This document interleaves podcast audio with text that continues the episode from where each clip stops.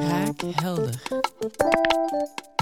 Welkom bij Kraakhelder, een podcast van Liantis waar we een antwoord bieden op de meest gestelde HR-vragen. Vandaag in de studio Henk. Welkom Henk. Dag Inge, goedemorgen. Goedemorgen. Kan je aan onze luisteraars even vertellen wat jij juist, uh, wat jij juist doet? Wel, ik ben productexpert bij Liantis Risk Solutions. Daar gaan wij, uh, zoals we bij Liantis doen, onze klanten proberen te ontzorgen mm -hmm. door hen de juiste verzekeringsoplossingen te gaan aanbieden. Ja. Wij gaan kijken op de markt wat er allemaal aanwezig is, wat er mogelijk is, en die proberen te matchen met de verlangens en de behoeften van onze klanten. Alright, super. En uh, werk je al lang in de verzekeringen? 17 jaar ondertussen bij ja, Liantis. Een ware, dus, uh, een ware een expert. Carrière. Ja, absoluut, absoluut. Ik doe het graag. super. We hebben heel wat vragen gekregen over um, pensioen uh, van onze werkgevers. Mm -hmm. En vooral, hoe pak ik dat aan? Welke soorten zijn er? Hoe kan ik uh, mijn loonpakket optimaliseren voor mijn werknemers? Dus uh, vandaag en ook in de volgende afleveringen uh, duiken we eigenlijk een beetje dieper in het concept pensioen. Okay. vorige aflevering hebben we al eens verkend wat voor soort pijlers dat er zijn. Klopt. Ik heb heel veel bijgeleerd al. Ehm, vandaag gaan we eens kijken wat de aanvullend pensioen, die een tweede pijler, nu exact juist is en welke soorten dat er zijn. Zou jij mij daar wel mee kunnen helpen? Absoluut, zeker. Voor de werkgever heeft dus de keuze om een groepverzekering aan te bieden voor zijn mm -hmm. werknemers. Daarbij kan hij eigenlijk geen onderscheid gaan maken tussen werknemers onderling. Hij moet alle werknemers gaan aansluiten. Mm -hmm. Dus ook een onderscheid maken tussen arbeiders en bedienden behoort al lang tot de geschiedenis. Dat kan niet meer. Alright, dus één, uh, één regel for all.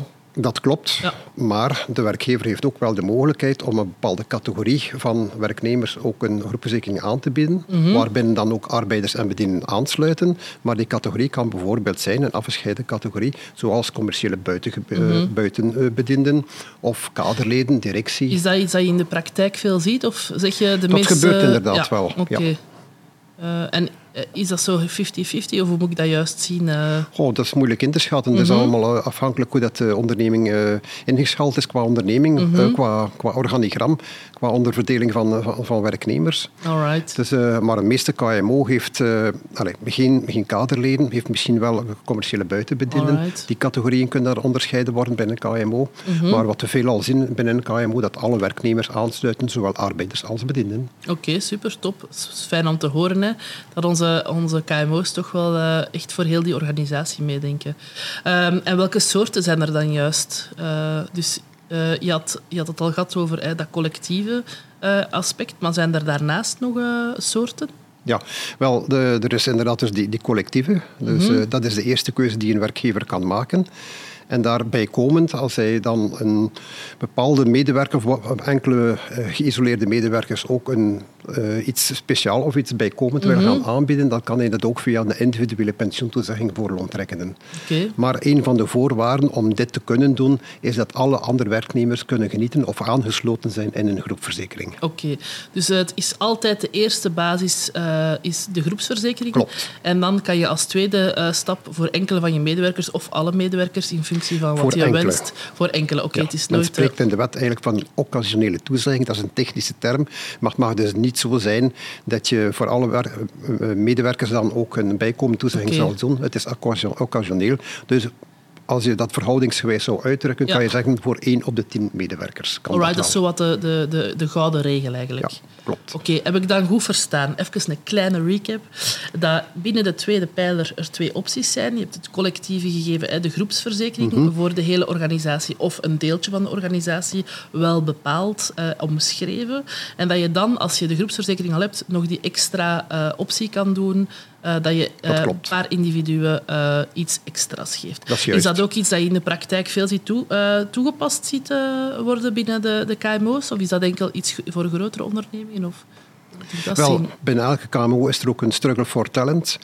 En Mhm. Absoluut. de groepverzekering is inderdaad een element dat niet mag ontbreken in een eh, variabele verloning van, van de werknemer. Mhm. Ja, oké.